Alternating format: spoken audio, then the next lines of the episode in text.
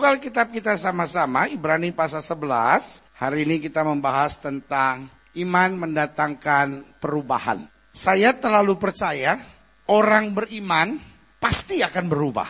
Amin. Minimal sederhana. Dari orang stres menjadi orang yang penuh sukacita, kan begitu. Amin. Dari orang yang tertekan menjadi orang yang berpengharapan. Saya percaya dasar perubahan yang terpenting dalam hidup seseorang adalah iman. Makanya berita Natal berbunyi, hari ini aku memberitahukan kepadamu apa? Kesukaan besar. Telah lahir bagimu apa? Juru selamat. Nah, yang paling mendasar dalam kelahiran Kristus adalah perubahan. Sejarah dunia berubah dengan kelahiran Kristus. Makanya ada istilah BC atau sebelum Masehi. Masehi itu apa sih? Kelahiran. Iya kan? Jadi BC before Christ sama AD Eno Domine atau setelah sang gembala. Nah, jadi yang saya mau jelaskan buat saudara, dunia dibagi dua. Dunia sebelum Kristus dengan dunia apa? Sesudah Kristus. Berarti dari sini saya mau beritahu bahwa sejarah dunia saja mencatat bahwa kedatangan Kristus, kelahiran Kristus mendatangkan apa? Perubahan. Amin. Nah, ini yang kita mau belajar hari ini. Ibrani 11 ayatnya yang ke-35. Ibu-ibu telah menerima kembali apa? Orang-orangnya yang telah mati sebab apa? Dibangkitkan. Ini yang saya bilang perubahan. Dari tidak ada pengharapan menjadi apa? Pengharapan. Dari mati menjadi apa? Bangkit. Makanya kelahiran Kristus jelas berita Yohanes Pembaptis apa? Bulu yang terkulai tidak akan apa? Dipatahkannya. Sumbu yang sudah pudar nyalanya tidak akan dipadamkannya. Berarti hidup Kristen adalah hidup yang berpengharapan. Hidup Kristen adalah hidup dalam apa? Peru, perubahan. Dunia ini sedang menuju perubahan yang lebih buruk. Orang muda menjadi tua. Orang tua mati. Lu iya, memang itu perubahan. Iya ya. Orang waktu usia lanjut 50, 60, 70 tahun masih sehat. 80, 90 udah susah. Dunia ini sedang menuju perubahan yang tidak ke arah lebih baik. Ekonomi tambah kacau. Nilai-nilai dalam masyarakat tambah tidak jelas. Kejahatan makin lama makin meningkat. Ya kan? Berita-berita nggak ada yang lebih menggairahkan, semua lebih menakutkan. Tetapi di sini jelas, ibu-ibu telah menerima kembali orang-orang yang telah mati. Sebab apa? Dibangkitkan. Tetapi orang-orang lain membiarkan dirinya disiksa dan tidak mau menerima pembebasan. Supaya apa? beroleh kebangkitan yang apa? Lebih baik. Artinya apa? Kalaupun mereka mengalami tekanan, mereka justru menghadapi situasi yang lebih baik. Nah itulah iman. Iman menuntun kita pada keadaan yang lebih baik. Dan saya berdoa kepada Tuhan bahwa setelah Natal tahun ini, makanya saya terlalu percaya. This Christmas will be your best Christmas ever. Natal tahun ini harus menjadi Natal yang terbaik dalam hidup saudara. Amin. Dan saya berdoa kepada Tuhan mulai minggu ini, keadaan hidup saudara harus jadi lebih baik. Amin. Karena iman bukan sekedar membuat saudara lebih diberkati. No, no, no, no, no. Saya percaya bukan cuma soal berkatnya, saya percaya lebih baik dalam segala hal. Makanya saya tekankan begini. Persoalan dunia hari-hari ini adalah apa? Kebosanan dan kejenuhan. Yang sebenarnya diakibatkan dengan segala rutinitas yang begitu-begitu saja. Persoalan terbesar manusia hari-hari ini adalah apa? Kejenuhan dan kebosanan. Orang kaya sedang jenuh dan bosan dalam bisnis, saudara. Akhirnya dia ngalamin sebuah gejala rutinitas yang begitu-begitu saja. Dan yang lebih repot lagi, banyak suami udah mulai bosan sama istrinya. Banyak istri yang udah mulai bosan sama suaminya. Ada banyak istri udah bosan sama suaminya. Bosan diomelin, bosan dicurigain, bosan dicemburuin. Ya kan? Hari ini saya mau bilang sama saudara. Persoalan dunia hari ini kebosanan dan kejenuhan.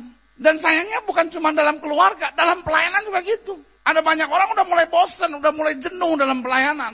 Nah yang kayak gini nih yang payah nih. Yang mulutnya udah gak karuan. Orang kok lagi semangat-semangatnya nih. Orang kok lagi semangat-semangatnya nih melayani Tuhan nih. Tantangan buat dia nikmat. Tapi orang udah mulai bosen, udah mulai jenuh. Di gereja panas aja dia udah mulai marah. Gereja kayak terminal. Panas banget. Ya kan? Orang udah mulai sebentar-bentar komplain, orang kok sebentar-bentar mulutnya udah gak karu-karuan. Biasanya itu lagi bosan sama apa? Jenuh. Saya doa buat saudara, supaya kita bisa lewati masa kebosanan kejenuhan. Nah itulah makna iman. Ada banyak orang bahkan Natalan juga jadi udah bosan, udah jenuh. Kenapa orang akhirnya udah percaya Tuhan masih ke diskotik misalnya? Kenapa orang akhirnya lari ke ke obat terlarang misalnya? Kenapa orang udah udah udah kegiatan pelayanan nih masih buat yang aneh-aneh dalam hidupnya. Buat saya cuma sederhana, itu orang bosan, itu orang jenuh. Karena segala sesuatunya dalam rutinitas. Tetapi saya percaya itulah arti iman. Iman bukan sekedar membuat kita percaya bahwa Allah mengasihi dan menyertai saya. Tetapi iman membuat kita berjalan dengan semangat dan berapi-api. Karena kita tahu segala sesuatunya Tuhan ubahkan menjadi lebih baik. Amin. Makanya selanjutnya saya catat di sini begini. Allah kita adalah Allah yang cintakan perubahan. Dan bukan cuma cinta mendatangkan perubahan, tetapi juga apa mampu mendatangkan peru, perubahan. Makanya selalu saya bilang, hidup di dalam Kristus adalah hidup yang bergairah. Amin. Cinta di dalam Kristus adalah cinta yang bergairah. Pelayanan di dalam Kristus adalah pelayanan yang berga, bergairah. Kalau kita udah mulai rasa jenuh, kita udah mulai rasa bosen, artinya kita sudah mulai menjalankan segala sesuatu dalam apa? Kerutinan belaka. Dan orang kalau udah bosen, orang kalau udah jenuh, cenderung banyak komplain. Akhirnya cenderung merasa capek. Cenderung merasa, aduh saya udah gak kuat lagi dah. Cenderung merasa saya udah gak mampu lagi. Hari ini saya mau ingatkan buat saudara. Hidup itu memang merupakan kerutinan. Setiap saudara bangun, kerja, pulang kerja, ada masalah. Dan itu kerutinan belaka. Dan ini yang saya percaya. Iman mendatangkan perubahan. Sehingga orang yang beriman, orang yang selalu bersemangat dan percaya ada berkat yang spesial buat orang yang berserah. Amin. Nah pertanyaannya, perubahan apa dalam iman? Saya catat di sini perubahan di sini bukan hanya sekedar miskin menjadi kaya, sakit menjadi sehat, lalu banyak masalah menjadi banyak kemenangan, bukan hanya itu. Tetapi perubahan dalam iman yang pertama di sini yaitu perubahan dalam karakter. Itu paling penting. Karena kadangkala bukan suami saudara yang membosankan, karakter saudara yang jelek. Kadangkala bukan pelayanannya yang membosankan, karakter saudara yang terlalu cepat putus asa. Karakter saudara yang yang nggak bisa terima keadaan yang berbeda. Buat saudara, semuanya itu harus seperti yang sudah harapkan. Tetapi hari ini sebagai hamba Allah saya cuma mau bilang, kadangkala ada tindakan istri saudara yang sudah nggak suka. Tetapi bukan berarti saudara harus jenuh kan. Bukan berarti saudara harus stres kan. Bukan berarti saudara harus putus asa kan? Kadang-kadang ada tindakan-tindakan suami saudara, tindakan anak-anak saudara, tindakan orang lain di dalam uh, kantor saudara, dalam usaha saudara, dalam pelayanan saudara, yang kadang-kadang tidak seperti yang kau harapkan. Tetapi perubahan dalam karakter ini yang membuat kehidupan ini bergairah. Amin. Betapa jenuhnya, betapa membosankannya Yusuf tiap hari diganggu sama istrinya Potifar. Ucup, ucup. Kalau kita jadi Yusuf doa kita Tuhan kebotua ini angkat dari saya ini. Ya, udah tua nggak tahu diri.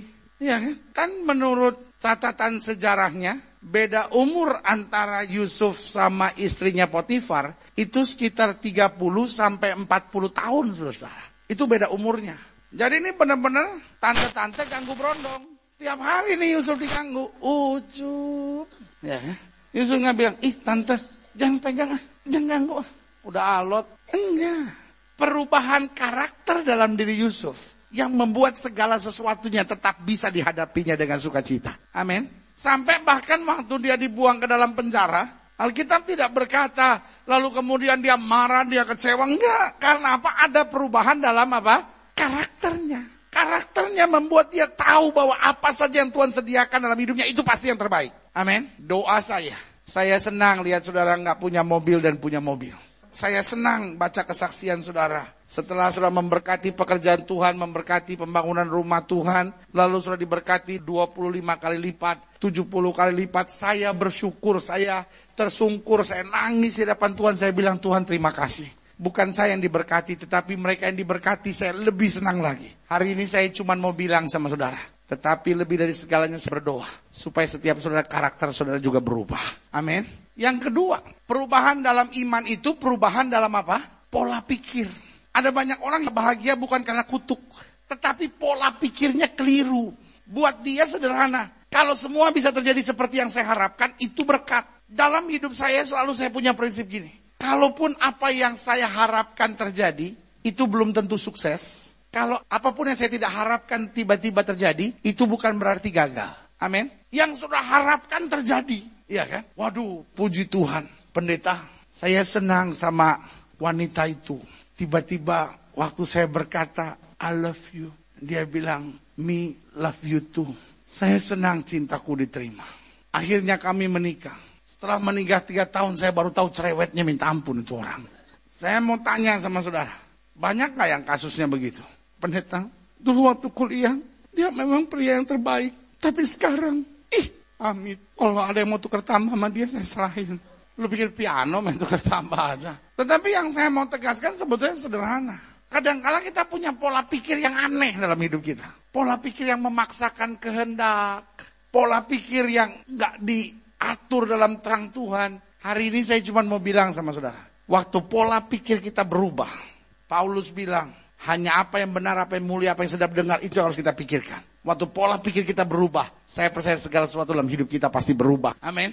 Yang ketiga, perubahan dalam iman, yaitu perubahan nilai-nilai, values of life. Iya kan? Ada banyak orang hidup tanpa nilai, hidup tanpa value. Sebagai hamba Allah, saya cuma mau bilang sama saudara, Orang kalau beriman nilai-nilainya langsung berubah. Makanya Paulus bilang apa?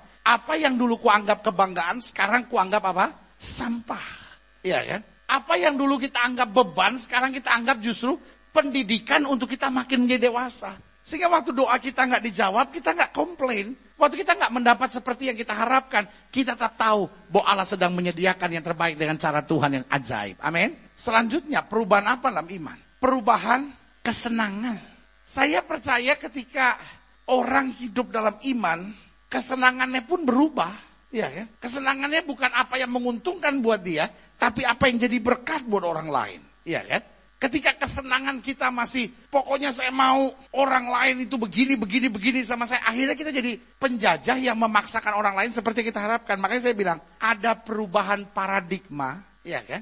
Dari di menjadi me. Kita tadinya orang yang ingin diperhatikan menjadi apa? Memperhatikan, ya kan? Dari jadi orang yang selalu inginnya diberi menjadi orang yang apa? Membe memberi, ya kan? Dari orang yang cuman maunya dikasihi menjadi orang yang apa? Mengasihi, ya kan? Dari orang yang selalu mengharapkan diuntungkan, sekarang mulai apa? Menguntungkan orang lain. Selanjutnya, perubahan apa dalam iman kita? Perubahan tujuan hidup. Orang dunia tujuan hidupnya apa sih? Supaya kaya gitu kan. Jadi kalau dia lihat ada orang yang lebih miskin dari dia, lebih susah dari dia, kalau perlu dia injek. Mental tuan dan budak. Kalau saya tuan, semua orang budak di sekitar saya. Come on. Kalau engkau lebih kaya dari orang, bukan berarti engkau bisa jajah orang lain. Setuju? Kita ini kadang-kala merayakan Natal demi merayakan Natal, tetapi kita masih punya mental feodal. Kalau dia pembantu kita, kalau dia supir kita, kalau dia tetangga kita yang lebih uh, miskin, kalau dia orang yang pernah kita tolong, kalau perlu kita injak kepalanya. Sebagai hamba Allah saya cuma mau bilang, kalau kita bisa berbuat baik itu anugerah Pak, setuju? Iya kan? Yesus bilang gini, aku tidak menyebut kamu lagi hamba, aku menyebut kamu sahabat saudara. Amin. Kita ini mentalnya masih mental VOC, iya kan? Masih punya mental penjajah, mungkin karena kita terbiasa miskin kali. Kita terbiasa dijajah dulu sama Jepang dijajah, sama Portugis dijajah, sama Belanda dijajah. Jadi kita kalau bisa hebat sedikit orang kita jajah. Penjajahan yang terbesar di bangsa ini bukan lagi penjajahan dari bangsa lain kepada diri kita, tetapi penjajahan dari orang yang kuat kepada orang yang lemah, dari orang yang merasa kaya kepada orang yang miskin, dari orang yang merasa mayoritas terhadap apa mino? minoritas. Hari ini sebagai hamba Allah saya mau bilang, persoalan tujuan hidup kita. Kita ini kadang kala pikir kalau saya kaya saya berhak buat segala-galanya. Tapi hari ini saya mau bilang, tujuan hidup kita bukan kaya, tujuan hidup kita bukan sukses, tujuan hidup kita yang pertama untuk menyenangkan hati Tuhan. Karena saya terlalu percaya kalau Tuhan senang, maka segala yang terbaik dia sediakan buat kita. Amin. Nah, pertanyaannya sekarang, apa syarat perubahan supaya kita bisa mendapatkan yang baik dalam iman? Apa syarat perubahan? Yang pertama, syarat perubahan kita menyadari bahwa harga yang sudah dibayar oleh Kristus itu aja. Itu iman luar biasa. Bahwa Kristus sudah tinggalkan sorga, bahwa dia sudah curahkan darahnya. Saya percaya Kristus sudah bayar harganya buat saya. Amin. Sehingga saya tidak perlu menderita lagi.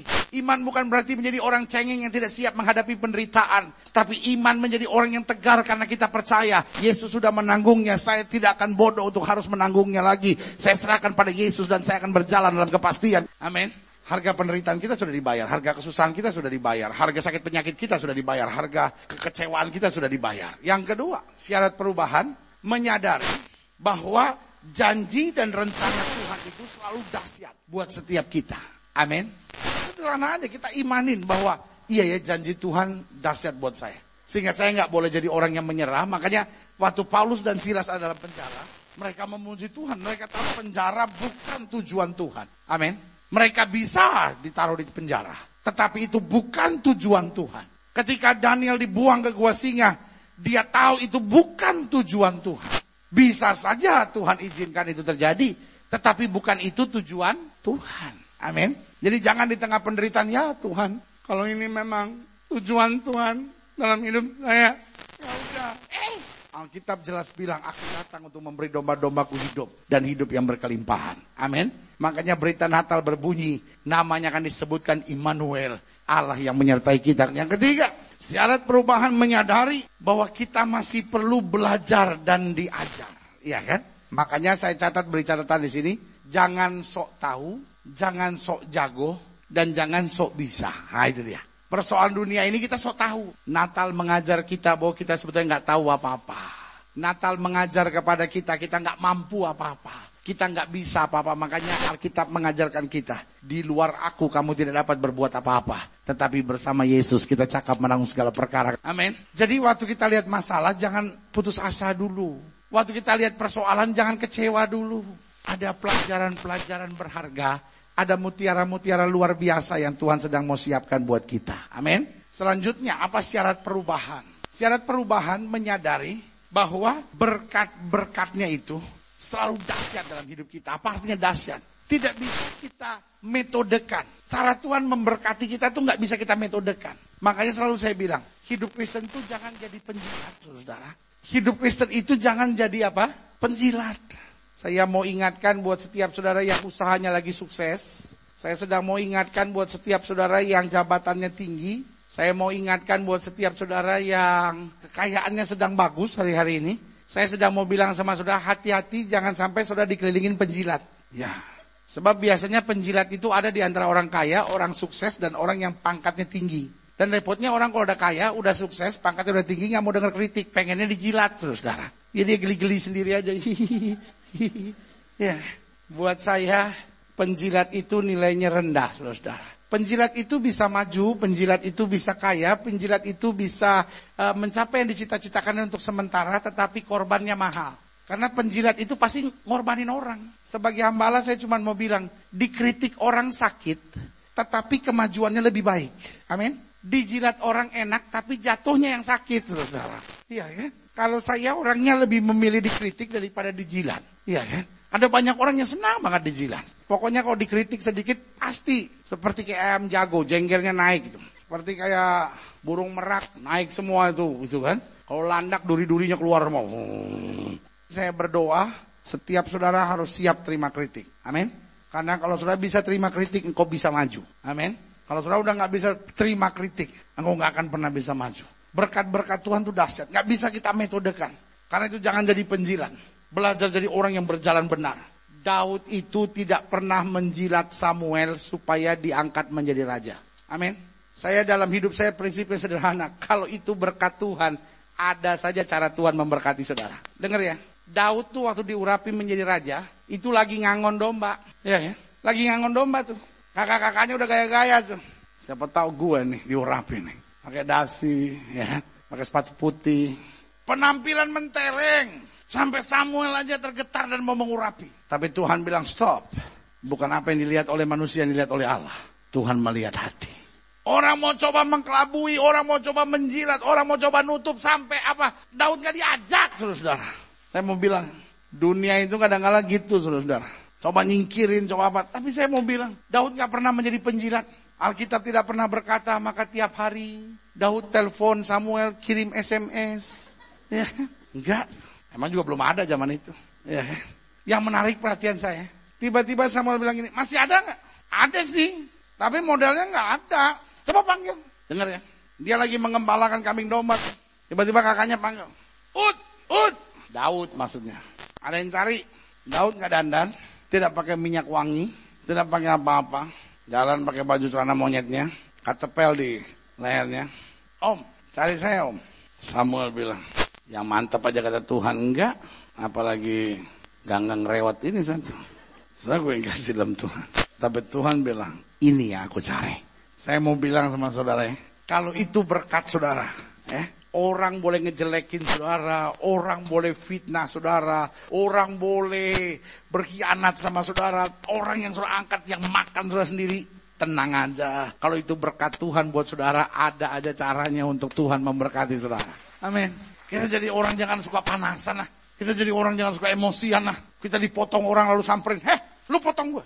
Lu pernah pengen kepala lu yang gue potong terserah. Gak usah, biarin aja. Pokoknya berkat Tuhan itu dahsyat. Nggak usah pakai matematika dunia, pakai aja cara Tuhan. Saya setia, saya berkenan kepada Tuhan, saya lakukan yang tepat. Berkat Tuhan akan Tuhan perintahkan tepat pada waktunya. Haleluya. Amin. Selanjutnya, syarat perubahan itu, ingat bahwa kasihnya tidak pernah terbatas. Amin. Natal itu apa sih? Allah mencari yang nggak layak. Artinya apa? Kalau bicara layak, kita ini semua nggak layak, saudara. Tapi itulah kasih Tuhan. Kasih Tuhan tidak terbatas. Kita ini bukan bicara layak atau tidak layak, adil atau tidak adil. Jangan bilang sama saya, pendeta, saya kan udah berdoa. Nggak adil dong kalau Tuhan nggak berkati. Ya, kita sama Tuhan jangan hitung-hitungan adil nggak adil, saudara.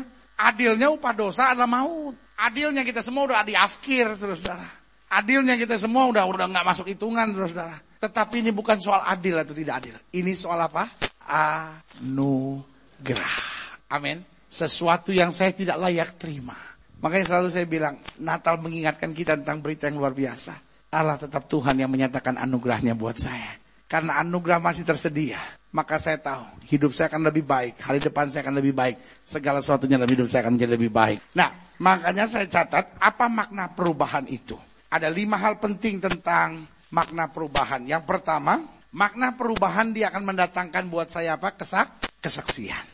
Sehingga orang berkata betul. Yesus hidup di dalam hidupnya. Kesaksian itu bukan cerita yang kita kumpulkan. Kesaksian itu bukan cerita yang kita buat-buat. Tetapi kesaksian itu adalah bukti dari sebuah peru perubahan. Dan yang kedua, apa makna perubahan? Rasa nyaman. Makin kita berubah, hidup kita makin lebih enak. Amin. Yang ketiga, makna perubahan. Perubahan mendatangkan kebanggaan yang kita bangga bukan soal berkat yang kita terima. Makanya selalu saya bilang kalau kita bangga akan karir kita, kita bangga akan keberhasilan kita, kita jadi orang yang sombong. Tapi kita bangga karena Kristus telah mendatangkan perubahan buat kita. Amin. Dan selanjutnya perubahan dia mendatangkan apa? Damai sejahtera.